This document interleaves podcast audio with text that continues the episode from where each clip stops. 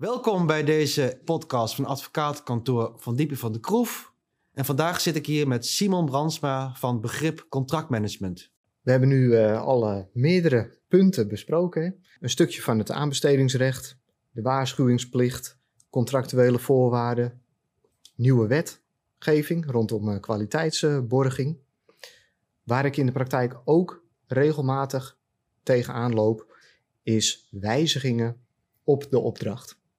Nou, dat kennen we hè? in de UAV uh, als uh, meer en minder werk bijvoorbeeld, of bestekswijzigingen, misschien nog een mooier voorbeeld. UAVGC, wijzigingen met een hoofdletter W. Is dat onbeperkt voor een opdrachtgever? Kan een opdrachtgever nou onbeperkt wijzigingen opdragen aan een opdrachtnemer of aan een aannemer?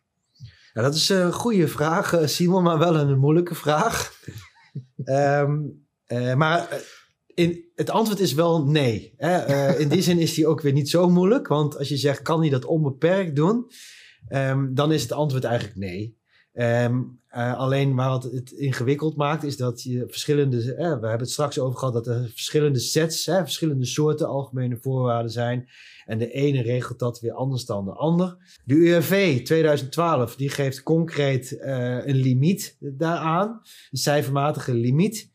Um, uh, aan het uh, meerwerk dat opgedragen moet worden. En de UWVGC die geeft weer uh, weigeringsgronden voor de opdrachtnemer. Dat die, mag, die heeft bepaalde weigeringsgronden om te zeggen: Nou, ik voer deze wijziging niet uit.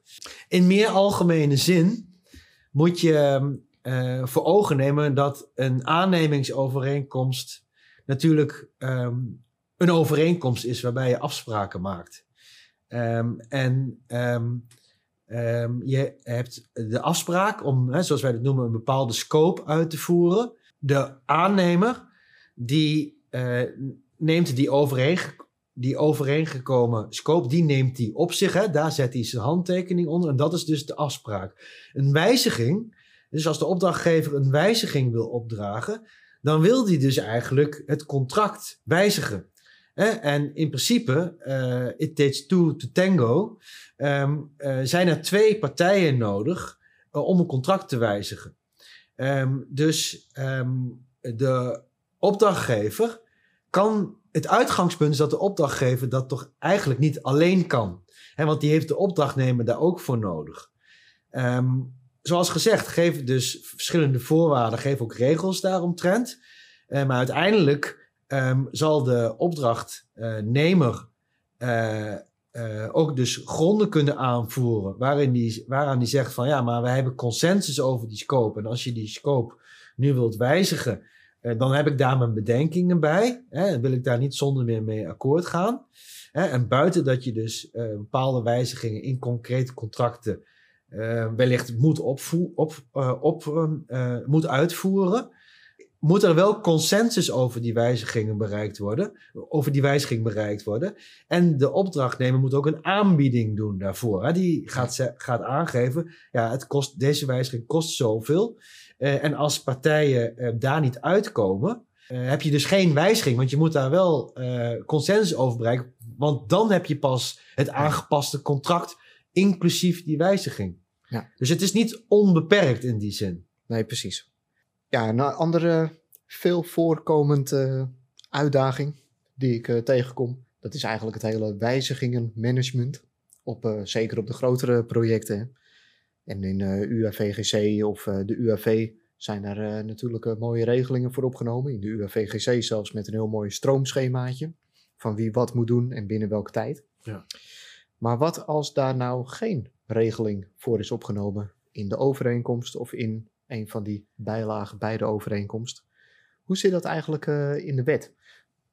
Kent de wet, mag een opdrachtgever vanuit de wet uh, onbeperkt wijzigingen opdragen? Of zit daar ook uh, nog iets van een cap op?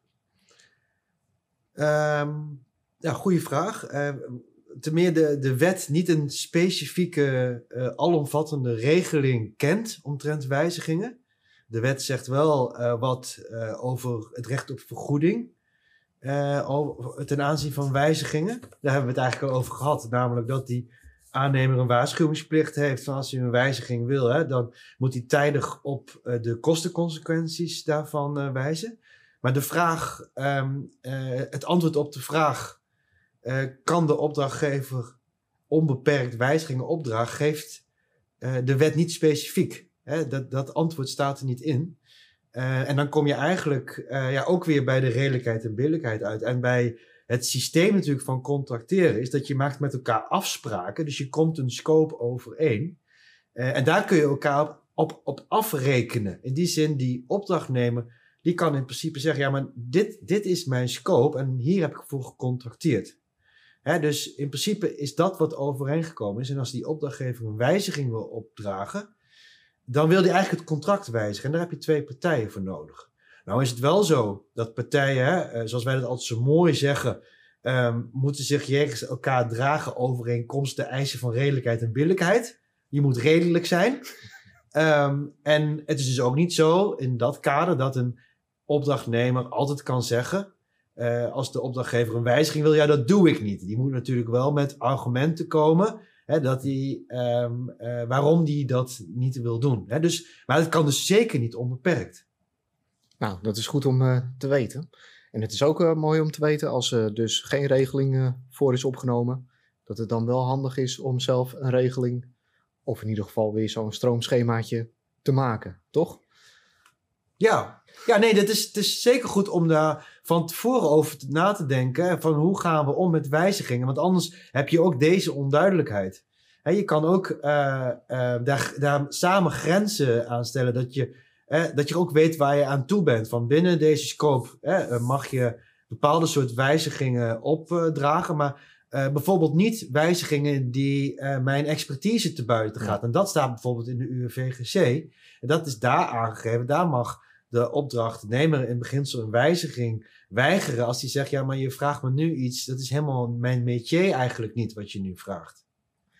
Als voorbeeld, eh, als een aannemer eh, echt een, een, een doe-contract heeft, hè, alleen maar uitvoerend werk en bijvoorbeeld geen ontwerpwerkzaamheden, en er wordt in een wijziging toch ontwerpverantwoordelijkheid of ontwerpwerkzaamheden aan hem gevraagd, Ja. wat hij niet zou kunnen doen. Dat is een Dan goed, mag je het goed weigeren. voorbeeld. Ja, ja.